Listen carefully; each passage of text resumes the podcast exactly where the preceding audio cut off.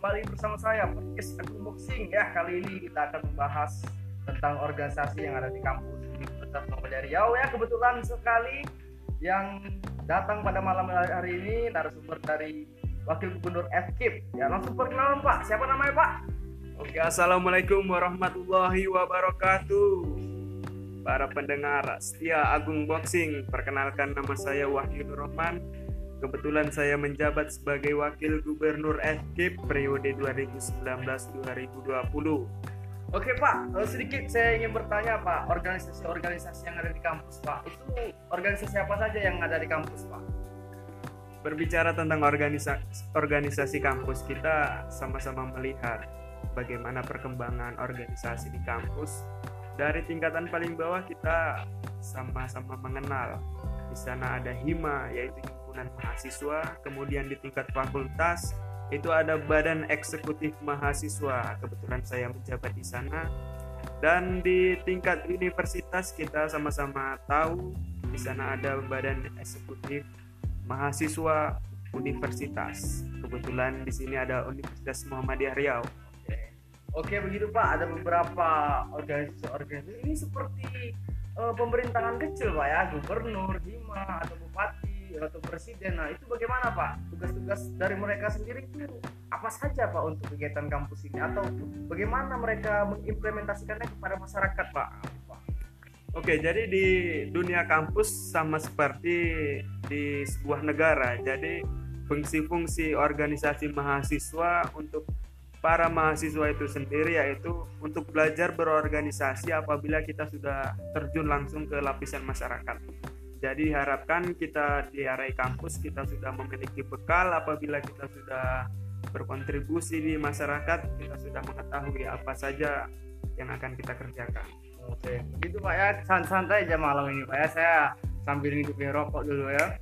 Kita sambil ngopi juga ya. Ngopi, berokok ya, depan aja ngomong podcast yang ya gak seberapa ini yang berbagi ilmu tentang organisasi kampus, tentang politik kampus. Nah ya Pak, sini sedikit ada pertanyaan saya Pak tentang politik kampus.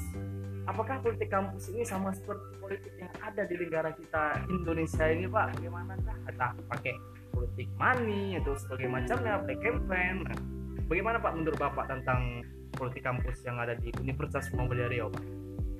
Baik, berbicara tentang politik kampus ya, istilahnya dalam dunia kampus kita mengenal organisasi dalam organisasi kita sudah menjadi rahasia umum bahwasanya di sana itu memang ada beberapa bumbu ya beberapa bumbu. Seperti halnya kita di lapisan masyarakat kita sudah pada tahu bersama.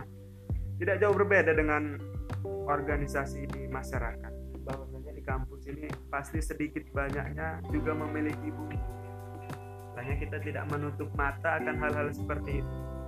Nah tetapi bagaimana kita mengolah dan juga mengimplementasikan dan juga manajemen diri kita dalam politik kampus tersendiri. Jangan jangan sampai kita terjerumus kita boleh mengetahui dan juga kita pastinya sudah mengerti lah mana hal yang baik dan oke jadi istilahnya kalau kita memakai politik money di kampus pak eh, apa keuntungan orang ini sih untuk masyarakat? Misalnya dia menjabat presiden ya. Contohnya presiden yang tingkatan yang paling tinggi di kampus ya presma menjadi mahasiswa. Nah, apa keuntungan mereka menjadi presma ini ketika mereka ingin menjabat presma oke memakai kampanyenya itu seperti politik uang sangat ini istilahnya ya cari masa keuntungan mereka sendiri apa sih pak? Gitu. Oke kalau untuk di lingkup presma ini dari op opini saya ya bagi mahasiswa yang menggunakan politik-politik manis seperti itu dalam mengejar suatu jabatan tertentu pastinya mereka berpikir dan juga ada kepentingan di dalamnya. Seperti kita ketahui bersama Presma ini seperti memang ajang yang diperbutkan bagi mahasiswa-mahasiswa yang aktif di organisasi. Mungkin mereka banyak pandangan tentang Presma itu sendiri bagaimana kinerja, bagaimana sepak terjang mereka di luar kampus atau bisa dikatakan eksternal.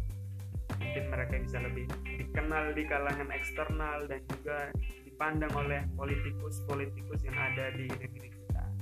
oke pak membahas tentang eksternal tadi saya sedikit menyinggung apa sih keuntungan mereka di eksternal juga apakah mereka akan mendapatkan uang atau mendapatkan ya macam-macam lah misalnya. Uh, ya pokoknya bapak tahu sendiri lah ya kan?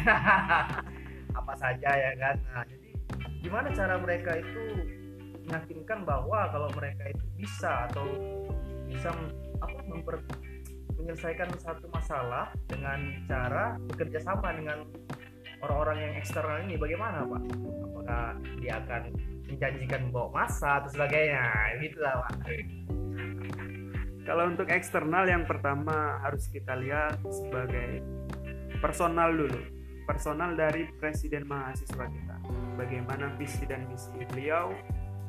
Yang pertama kalau memang mereka ingin berkontribusi dan juga ingin memajukan nama dan juga marwah universitasnya yang jelas mereka akan menggenjot dari link-link ataupun relasi mereka ke bidang eksternal.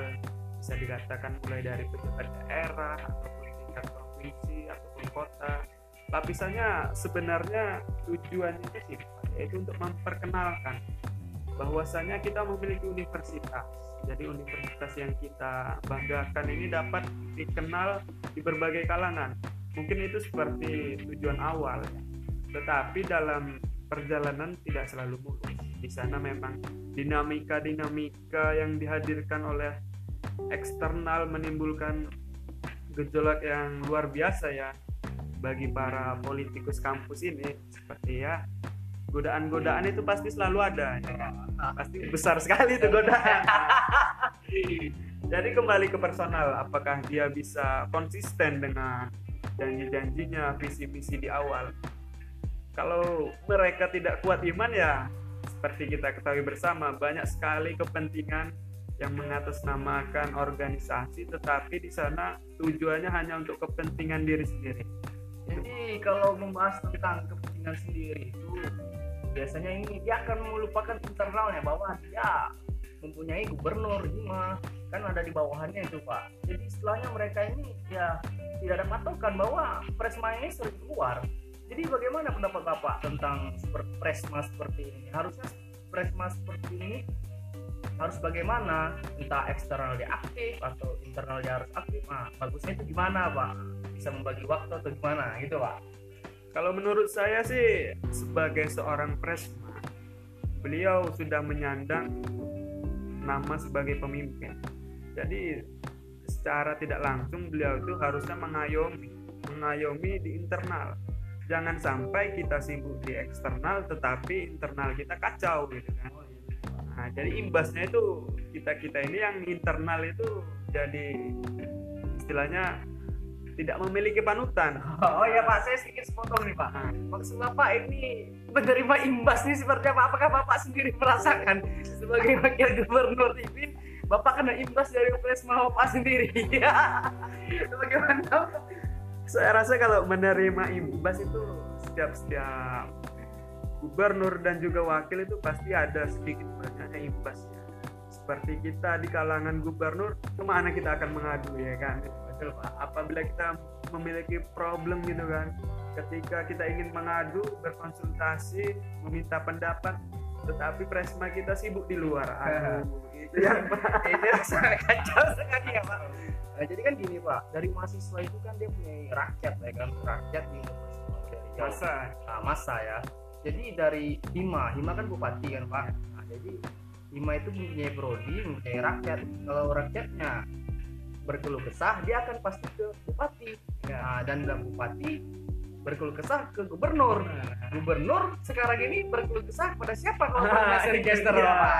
gimana itulah yang akan kita istilahnya ke depan. Planning kita harus dari mulai presiden sampai ke lapisan terdekat mahasiswa bagian lima. Koordinasi itu harus memang kita jalin. Jangan sampai terputus di tengah jalan. Dari mahasiswa mengadu ke bupati bupati ke gubernur. Akan tapi kalau dari gubernur ke presma terputus nah di situlah terjadi problematika yang bisa kita kan kacau gitu. Wah itu kalau istilahnya dari bawah sudah kacau ke atas pun sudah susah pak. Jadi berantakan lah ya sistem pemerintahan di kampus kita sendiri ya kan begitu kita kan mencari sekarang ini Beresma yang betul-betul mengayomi masyarakat sendiri yang menerima aspirasi-aspirasi dari seluruh kesama mahasiswa ya Pak. Kalau misalnya oke okay, menurut saya nih Pak ya boleh saja main ke eksternal tapi selalu ingat pada internalnya atau kepada asal usulnya di mana dia ditetapkan ini gitu kan Pak? Jadi beberapa kalau kesah juga nih dari Wagum FKIP ya membahas sedikit tentang organisasi. Oke Pak saya sini sedikit tentang ada lagi pertanyaan nih tentang bagaimana sih dari fakultas FKIP sendiri tentang teknik mempererat silaturahmi antara lima di FKIP dan BEM di FKIP itu bagaimana cara Bapak melakukannya? Itu Pak. Oke istilahnya sambil saya bahas dulu mengenai eksternal dan internal tadi. Karena ini berkaitan dengan FKIP itu sendiri. Menurut saya pribadi sih memang tidak salah karena eksternal dan juga internal. Ya memang seharusnya itu balance antara internal dan internal kita nggak bisa terfokus pada satu titik. Jadi kita sibuk ke eksternal tetapi di internal kita terbengkalai. Begitupun sebaliknya itu akan sangat membuat citra kampus kita itu semakin tidak dikenal gitu kan. jadi koordinasi antara antara presiden mahasiswa dan juga wakil dan juga stafnya saya kira itu harus memang terjalin dengan erat. Dan juga para lapisan-lapisan gubernur dan wakil gubernur itu silaturahmi dan juga barisan itu harus kita rapatkan karena kita bagaikan di sebuah kapal ini ya kapal. ibaratkan kapal kalau nahkoda dan krunya tidak sinkron ya bagaimana kapal ini akan ya. melesat ya kan takutnya terlanggar batu karang ya. Oke Pak, tadi kan saya menanyakan bagaimana sih uh, teknik Bapak dalam mempererat antara hubungan BEM FKIP dan IMA yang ada di bawahnya. Bagaimana itu cara Bapak mengimplementasikannya kepada fakultas Bapak sendiri ya? Gimana itu Pak? Kalau dari kami pribadi sih menjalin silaturahmi dengan HIMA itu sangat wajib ya. Soalnya garis koordinasi HIMA itu memang langsung ke gubernur ataupun ke fakultas mungkin kalau beberapa program-program kami selalu melibatkan hima selalu berkoordinasi tentunya jangan putus komunikasi ke hima dan juga sharing and caring istilahnya kayak keluh kesah mereka itu akan kita tampung gitu kan kita carikan solusi bersama gitu. dan juga kalau di FKIP sendiri kita memang tidak menutup kemungkinan FKIP ini memang dalam eksternal juga eksis gitu ya yeah, kan? banyak yeah. sekali sekali sekali FKIP ini jadi membalanskan kedua hal tersebut itu yang memang sedang kami coba gitu kan. Nah, dalam periode kami ini memang, kami tekankan balance, balance antara internal dan eksternal ini. Istilahnya kita harus eksis di eksternal tanpa meninggalkan internal kita. Ah, betul. Itu salah satu solusi yang terbaik untuk para pemimpin ya kan pak. Jadi adanya hubungan yang erat antara FKIP atau eh, BEM FKIP sama HIMA yang ada di bawahnya. Nah itu salah satu teknik dari FKIP ya Pak. Iya. gitu kan Pak? Oke Pak. Saya sedikit lagi. Saya kan ini juga sedang berkuliah juga nih Pak. Saya kebetulan Pak di Fakultas Ilmu Komunikasi Universitas Muda Riau Pak. Jadi kami saya termasuk di dalam barisan anggota BEM iya ya pejabat ya? enggak enggak juga sih Pak. Jadi kami itu ada beberapa uh, silaturahmi seperti acara hari minggu hari minggu itu ada acara pagi sampai siang. Itu salah satu teknik kami dalam mempererat silaturahmi kami sendiri karena di atasnya itu sudah kami tidak tahu ini peristiwa kami ini bagaimana ya kan? Apakah kami tidak pernah diajak duduk atau silaturahmi? Dan apa pun nanti jika mereka mencari masa kami pun enggan menurunkan masa dari fakultas kami sendiri karena kami punya masa masa Vkom gitu. Seperti bapak lah bapak punya masa FKIP ya kan? Nah, jadi jika tidak ada hubungan yang baik antara atasan dan bawah itu sangat besar sekali kan? Begitu ya mbak? Baiklah pak. Bahas-bahas sedikit tentang teknik mempererat silaturahmi. Ada lagi nih pak pertanyaan saya nih tentang apa saja sih fenomena-fenomena yang beredar yang ada di kampus Universitas Muhammadiyah Riau Pak? kalau bicara tentang fenomena itu kompleks ya banyak sekali istilahnya yang mengalami tersebut tidak hanya Umri ya kan kampus-kampus lain pun begitu adanya pasti memiliki fenomena-fenomena yang sudah menjadi rahasia umum lagi seperti ya mungkin kalau dalam politik kampus itu kepentingan-kepentingan politik kepentingan itu memang sangat banyak sekali. Itu dirasakan oleh para politikus kampus tuh memang hal yang lumrah dan juga untuk memanajemen politik kampus itu memang harus diperlukan daya mobilisasi massa yang harus bagus ya kan? Kalau tidak ya akibatnya terjadi penyalahgunaan jabatan dan lain sebagainya dan juga istilahnya dalam menjabat suatu jabatan pasti kita ada memiliki proker.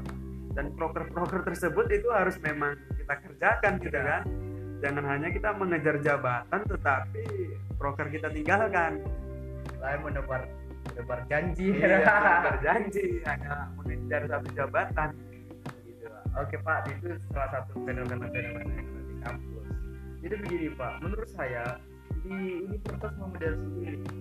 Eh, mahasiswa itu masih banyak yang kurang minat untuk mengikuti organisasi.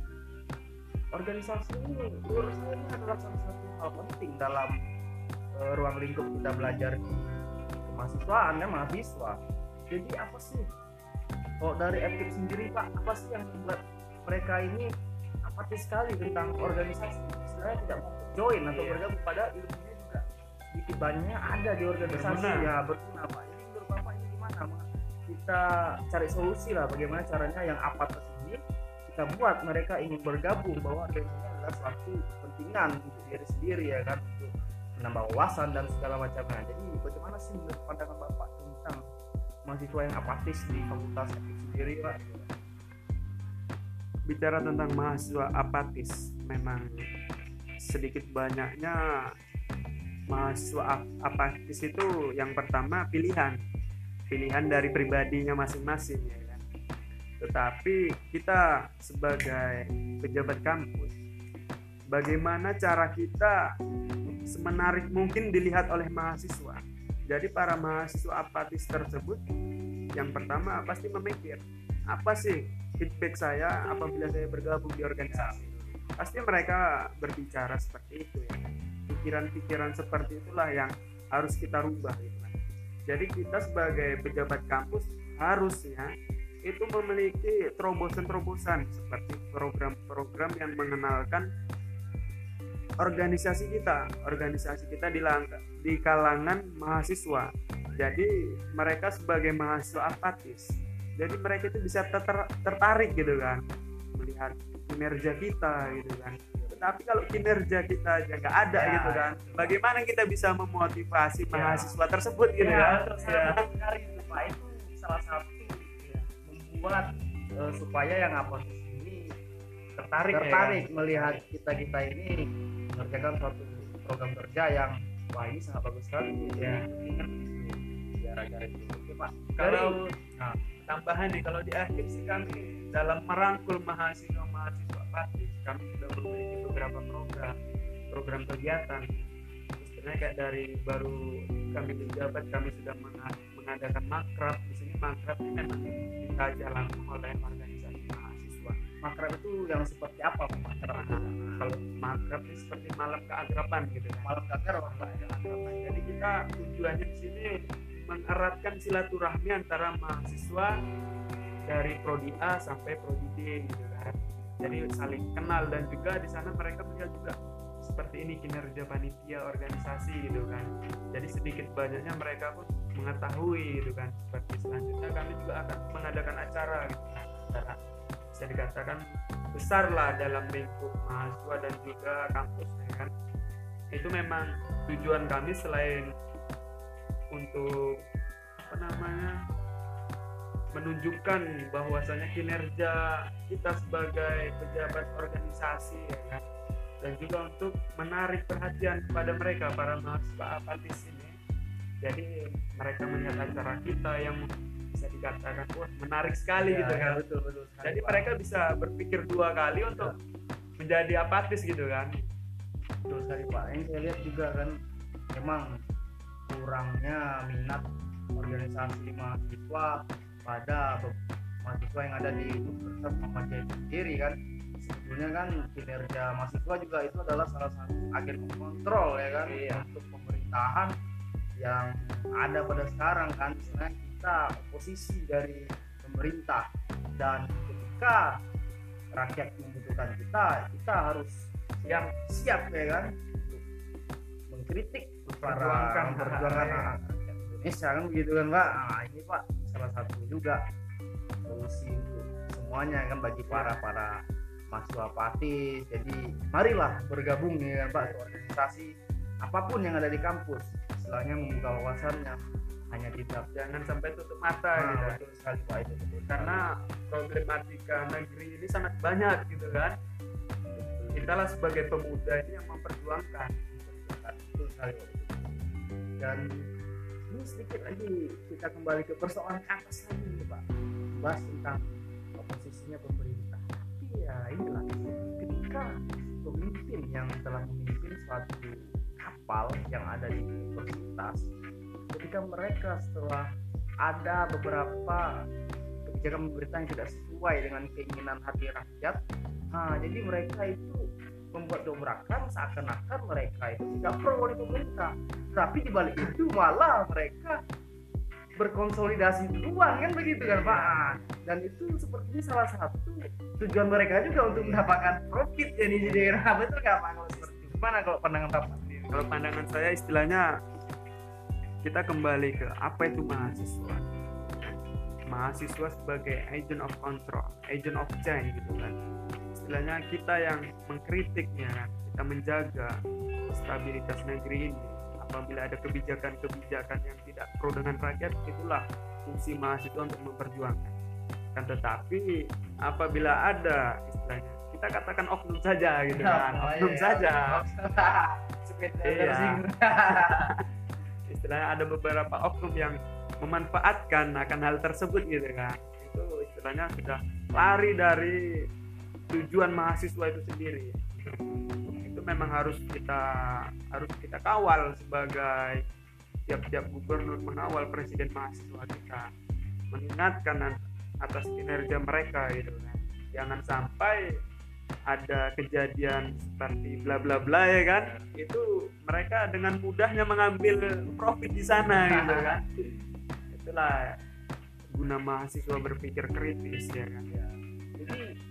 Ketika mahasiswa itu kritis bahwa ini adalah ah ini ada agenda apa ini sebetulnya di balik di balik itu semua kan. Jadi ketika mahasiswa kritis itu tahu di belakang ini ada apa-apanya, jadi mereka itu ya udahlah orang semua kayak gini juga kok ya kan jadi membuat lagi mahasiswa ini malas lagi mengikuti organisasi kan seperti itu kan pak nah, jadi yang apalagi yang yang tidak kritis ini ya kadang ada Iya. juga ya kan hanya ikutan saja seperti ini sangat sayangkan sekali jika mahasiswa itu tidak berpikir kritis.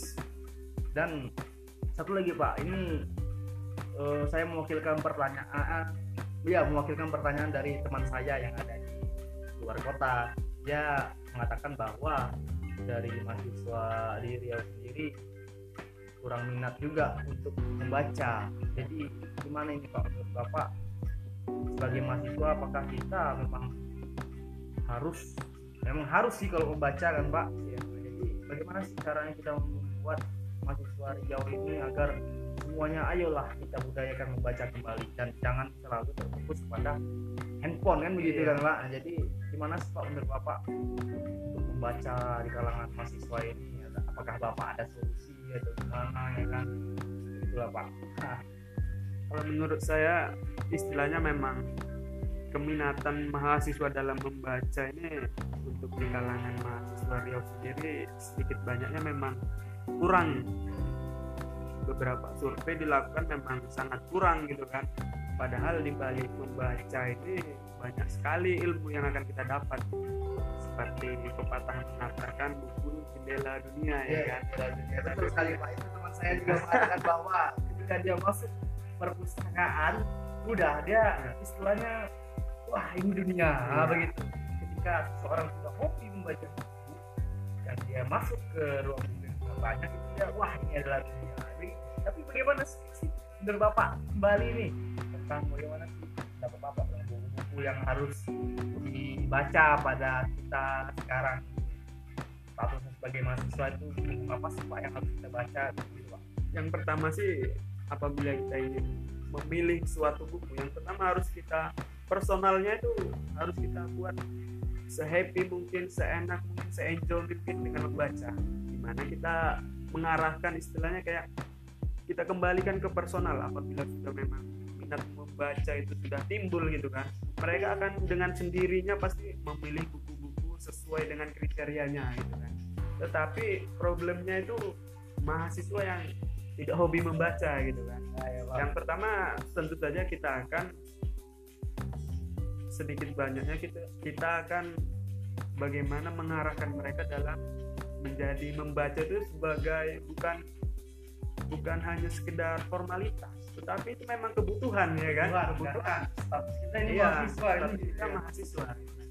Dalam untuk meningkatkan daya membaca mahasiswa yang pertama kita kalau di lingkungan kampus harus kita ciptakan lingkungan se-enjoy mungkin ya kan istilahnya jangan terlalu formal sekali gitu kan enjoy gitu kan. Jadi mahasiswa yang datang membaca gitu kan itu seperti mereka masuk ke rumah mereka sendiri ya kan.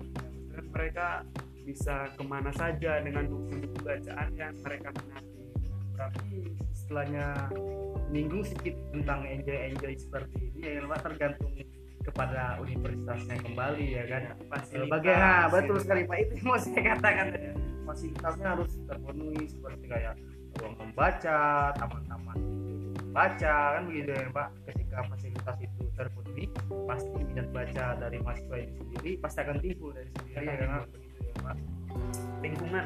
Lingkungan lingkungan. Kita ciptakan lingkungan se istilahnya memang di dalam suatu lingkungan apabila sudah terdapat banyak mahasiswa yang membaca. Pasti ada beberapa mahasiswa yang tidak suka membaca pasti mereka ikut gabung gitu kan. Ya istilahnya dari pertama mencoba gitu kan tapi mereka setelah memiliki pemahaman gitu kan pasti mereka ikut lagi ah ikut lagi ya. jadi ya untuk untuk kembali lagi ke pihak-pihak Universitas Muhammadiyah Riau atau yang lainnya ciptakanlah fasilitas yang mendorong minat mahasiswa untuk kembali membaca. Bahwa itu sangat memang sangat dibutuhkan sekali bagi mahasiswa ya kan?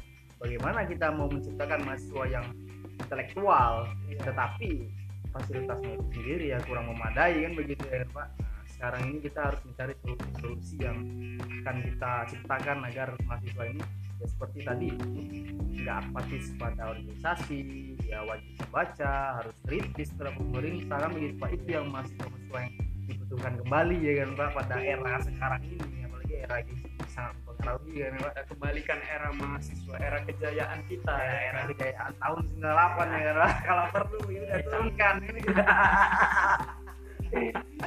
Ya lah Pak jadi ini Pak sedikit podcast saya membagi cerita kepada mahasiswa yang apatis kurang membaca. Ayolah kita sama-sama bergerak kan begitu ya kan Iya. Dan untuk pemimpin juga. Jangan meninggalkan tanggung jawab anda di internal. Boleh anda eksternal tapi jangan lupakan internal anda. Iya. dan tempat asal usul anda berada kan begitu ya kan Iya. Pak?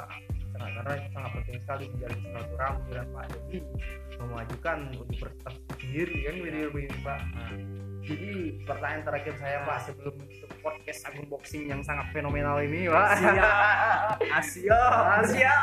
Kayak Atal Linter Asia. Nah, jadi Pak? Bagaimana solusi untuk ke depannya atau dari Bapak solusi-solusi yang terpikir dalam pikiran Bapak tentang eh, pemimpin yang baik itu harus gimana terus mahasiswa yang apatis itu harus gimana terus bagaimana caranya kita menciptakan lagi agar mahasiswa ini membaca buku kembali begitu Pak. Jadi solusi Bapak ke depannya untuk mahasiswa konteksnya mahasiswa ini bagaimana untuk ke depannya bagusnya Pak. Baik, istilahnya pertanyaan ini tadi memang sangat bersinggungan gitu kan mulai dari pemimpin dipimpin dan juga masyarakatnya yang dipimpin ya kan dari kalangan mahasiswa. Yang pertama kalau kita berbicara tentang pemimpin seharusnya pemimpin tersebut memang harus mengayomi. Ya tugas pemimpin dikatakan di sini memang bukan memiliki kepentingan sendiri gitu kan. Jadi pemimpin ini memang harus bisa menciptakan menciptakan suasana yang seperti apa gitu kan. Suasana yang bisa menggairahkan mahasiswa agar tidak apatis lagi ya kan. Kita ciptakan suasana-suasana tersebut ya kan. Jadi mahasiswa yang apatis ini pun melihat kinerjanya dan juga sebagai pemimpin harus bisa menciptakan sebuah sistem. Jadi sistem yang terstruktur dari atas sampai bawah itu. Dan juga tidak hancur seperti saat ini. Ini konteks iya. iya. Jadi sistem itu sangat penting lah untuk kita sebagai pedoman kita ya. Dan juga untuk lingkup lingkungan gitu kan. Habit kita ciptakan lingkungan se untuk enjoy gitu kan tiap-tiap mahasiswa. Dan juga yang pertama kita harus memiliki terobosan. Gitu kan kita harus memiliki sebagai pemimpin harus memiliki kapasitas sebagai problem solving gitu kan pemecahan masalah kita.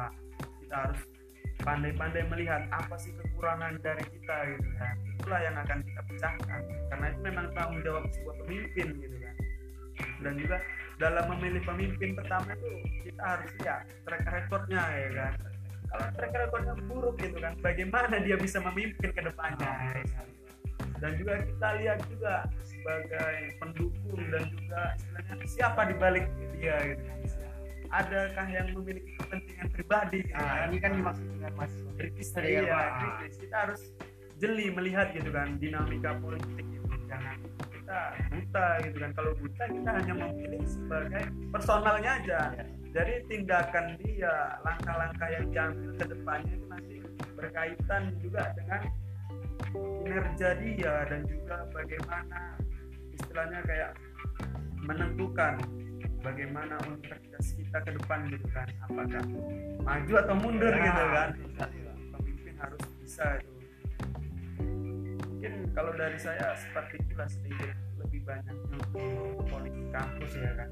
Organisasi organisasi kampus terhadap apatis dan juga apabila ingin mencalonkan diri ya itu harus kita tekankan lagi ya kan. betul sekali. kita buka ruang-ruang diskusi yang kritis ya kan. Oke, jadi dari beberapa pertanyaan ini garis besarnya pertama pemimpin harus ya harus mengayomi lah, harus mengayomi pada masyarakatnya, harus saling menjaga silaturahminya. Yang kedua yaitu bagaimana kita menciptakan yang mahasiswa apatis kepada organisasi ini membuat mereka menarik melihat organisasi wah aku harus ikut organisasi nih nah yang ketiga organisasi kita aja jelek ya kan bagaimana mahasiswa yang apatis ini mau join Nah, ya kan betul Pak. Dan yang ketiga itu dari menyinggung sedikit fasilitas dari universitas itu sendiri yaitu bagaimana menciptakan ruang lingkup membaca itu yang lebih asik gitu. Biar menciptakan mahasiswa yang berintelektual yang banyak ilmunya dan bukan hanya udah kupu-kupu kuliah pulang kuliah pulang dan tanpa ada isinya. Itu menampar sekali kepada universitas itu sendiri Iya. memasalahkan fasilitas.